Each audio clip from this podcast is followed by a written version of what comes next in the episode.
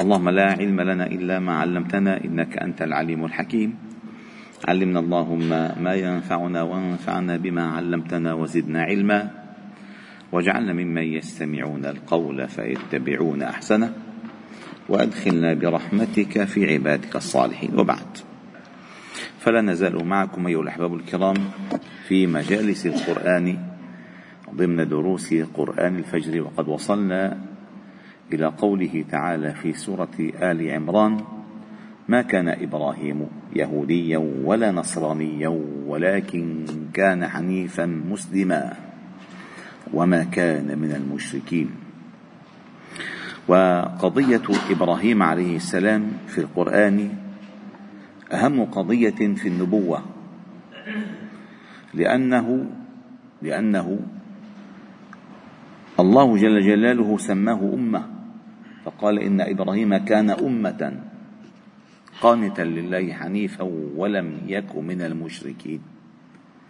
وعندما الله جل جلاله يشهد لإنسان أنه أمة يعني أن الله تعالى أوكل له إقامة الملة. أي لم يكن في الأرض لم يكن في الأرض مسلم غيره. وهو الذي أقام الحنيفية السمحة وأقام الدين. وهذا ديدن البشرية أيها الأحباب الكرام أنه كلما طال بهم الأمد قست قلوبهم وتناسوا ونسوا ونسوا. فاحتيج لأن يذكروا. فأتى إبراهيم عليه السلام في فترة عصيبة من فترات التاريخ أتى والناس يعظمون أتى والناس يعظمون الناس ويعظمون الأوثان والأصنام. فكان في عصر النمروز. النمرود الذي ملك الأرض وكان جبارا عاتيا. وكان قومه وأبوه ممن يعبد الأصنام في أرض العراق. وقال إبراهيم وإذ قال إبراهيم لأبيه آزر أتتخذ أصناما آلهة إني أراك وقومك في ضلال مبين.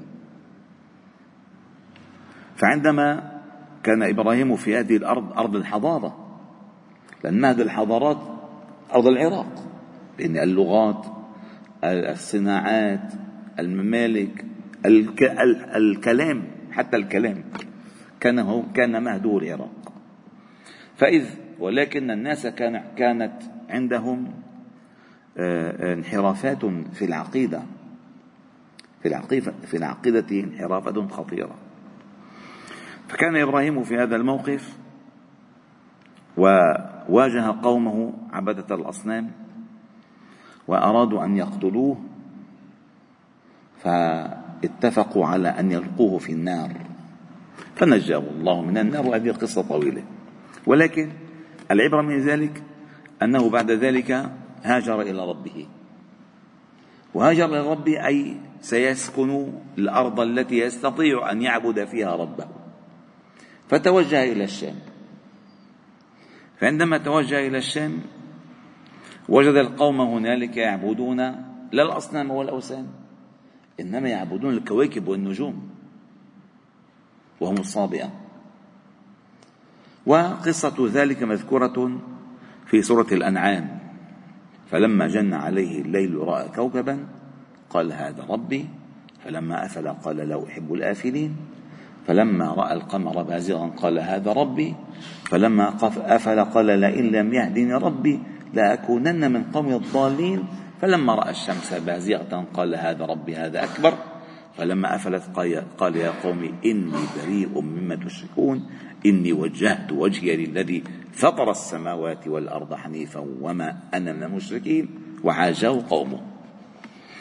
إذا هذه المحاججة التي حاجها إبراهيم قومه بعدما استدرجهم بكلامه. أي عندما قال هذا ربي ما قالها قناعة وعلما إنما قالها من باب المناظرة. طيب يا أخي تعالوا تعالوا نسلم هذا هو ربنا تعال نشوف. لا راح الرب. وين هو؟ ما في شيء. فلما أفل قال لا أحب الآفلين. طيب القمر؟ القمر الذي هو يعد الكواكب الظاهرة والتي لها لها أثر في الحياة. قال هذا ربي فلما أفل قال لئن لم يهدني ربي هذه أول إشارة لها لهم مباشرة. لأكونن من قوم الضالين. دائما دول الضالين. فلما رأى الشمس بازغة قال هذا ربي هذا أكبر هذا القضية إذا القضية بالكبر الشمس. فلما أفلت قال يا قوم إني بريء مما تشركون. إذا انتقل من بلد إلى بلد حيثما حل في بلد دعا دعا الناس إلى ربه. فأقام الله تعالى به الملة. وأبقاه على الحنفية السمحة التي بعث الله النبي صلى الله عليه وسلم بها. فكان نسله هم أصول الأنبياء. هم أصول الأنبياء نسله.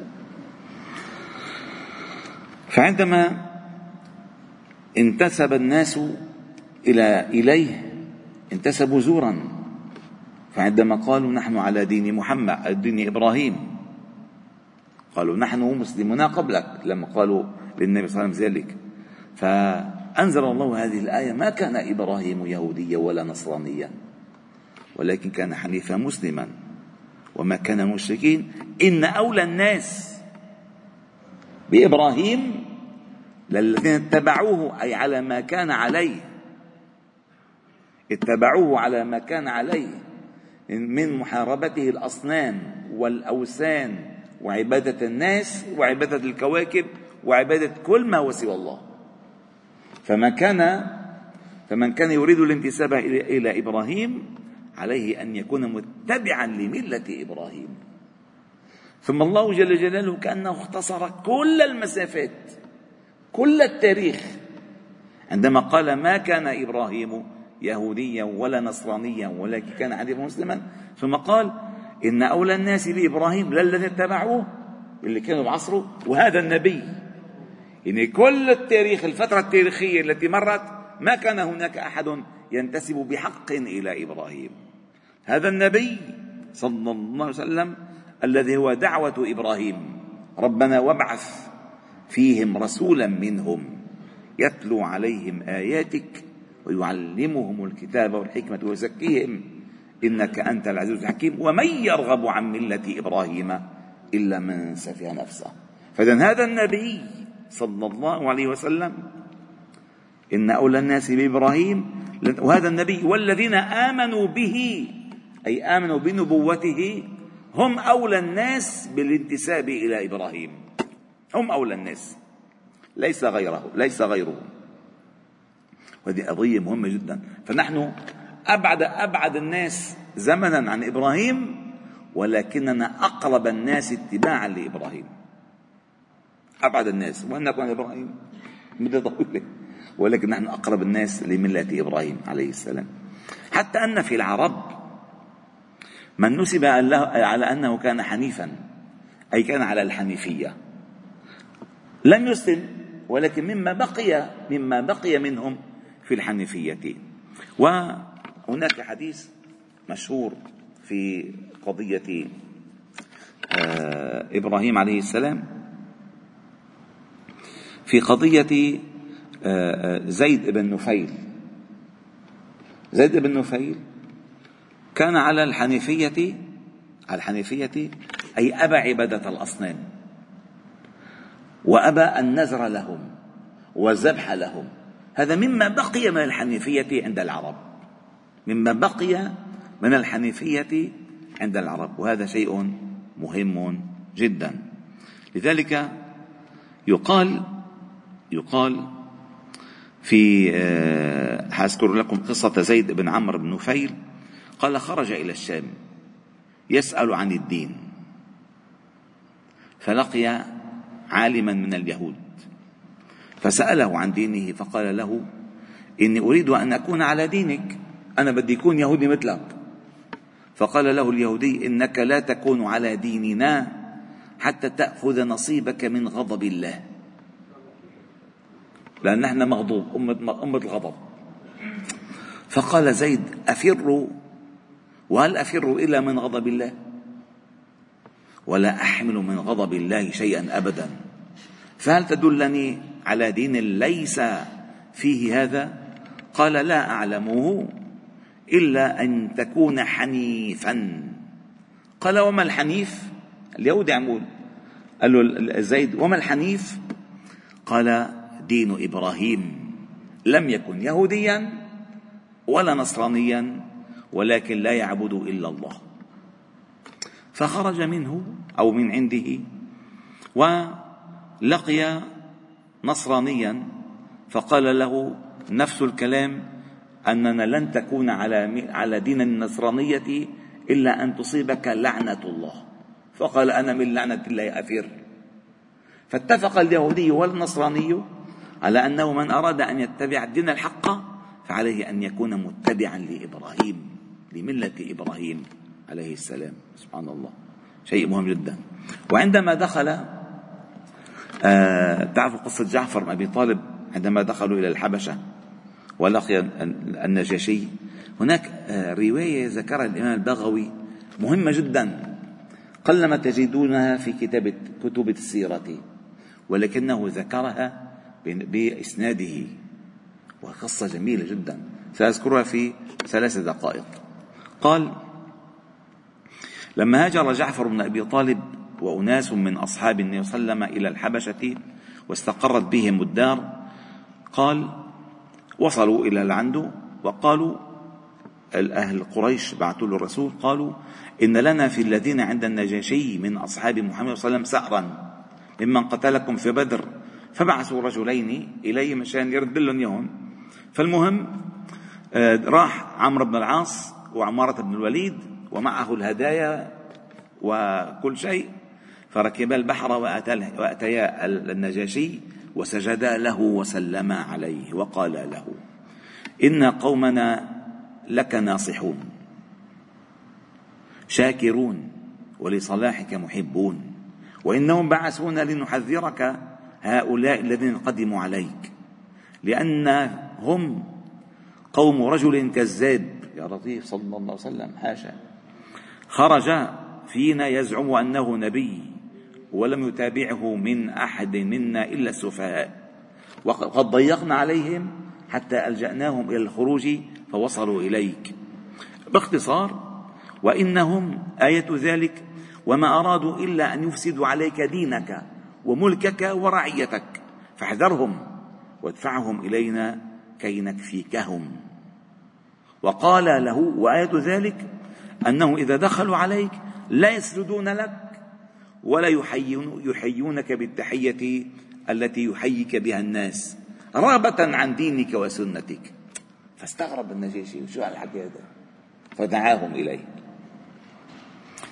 فدعاهم فلما حضروا صاح جعفر بالباب يستأذن عليك حزب الله. شو سمع سمع كلمة ما بيسمع قبل هلا. حزب الله؟ حزب الله نعم. فقال النجاشي مروا هذا الصائح فليعد كلامه.